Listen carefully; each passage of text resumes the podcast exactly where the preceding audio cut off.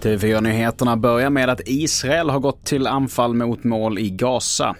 Enligt den israeliska militären träffades bland annat en plats för vapentillverkning som tillhör den palestinska terrorstämplade rörelsen Hamas. Anfallet kom som ett svar på raketbeskjutning mot södra Israel och det är första gången på två månader som våldet återblossade upp i Gaza. Och kaoset på Arlandas flygplats eh, fortsätter. Från och med natten till idag så får den som ska resa inte gå in på terminal 5 förrän högst tre timmar innan avgång.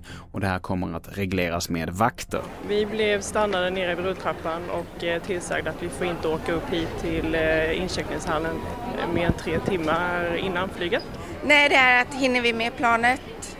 Ska vi liksom så vi inte blir att vi måste stå i kö här så vi inte hinner med att komma in här så att det blir så här jättelång kö så hinner vi inte med här. Och i inslaget här så hörde vi resenärerna Åsa Röstlund och Martina Mermer.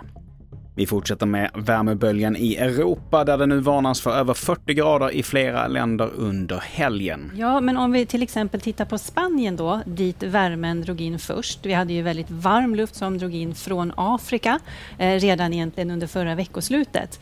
Eh, och man hade temperaturer runt 40 grader och över 40 grader i Spanien.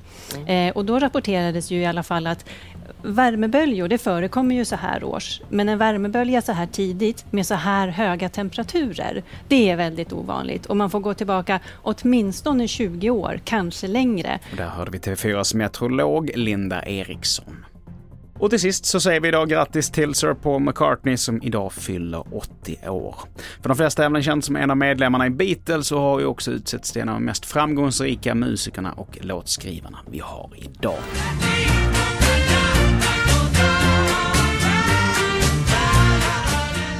To live and let die.